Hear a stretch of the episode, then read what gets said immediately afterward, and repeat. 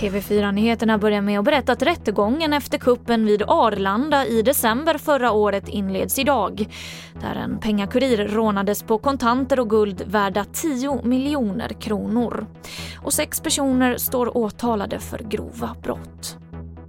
Vi går vidare till Huskvarna där en ung kvinna fick föras till sjukhus efter att hon tillsammans med en annan kvinna åkt moped och krockat med en bil.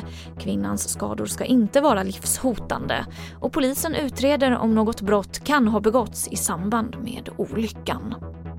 Och så till USA där förhandlingarna pågår i den amerikanska kongressen om ett nytt stort stödpaket på motsvarande 8,7 biljoner kronor. Hjälppaketet har tagits fram av Republikanerna i senaten tillsammans med Vita huset och diskuteras nu med Demokraterna. Och de är kritiska och tycker att förslaget är för torftigt.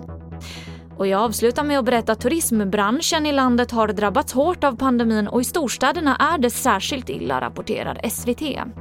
I juni var beläggningen på hotellen i Stockholm 15 procent jämfört med 75 procent förra året. Och i Göteborg så ligger hotellbeläggningen nu i juli på omkring 40 procent. Och det var det senaste från TV4 Nyheterna. Jag heter Emily Olsson.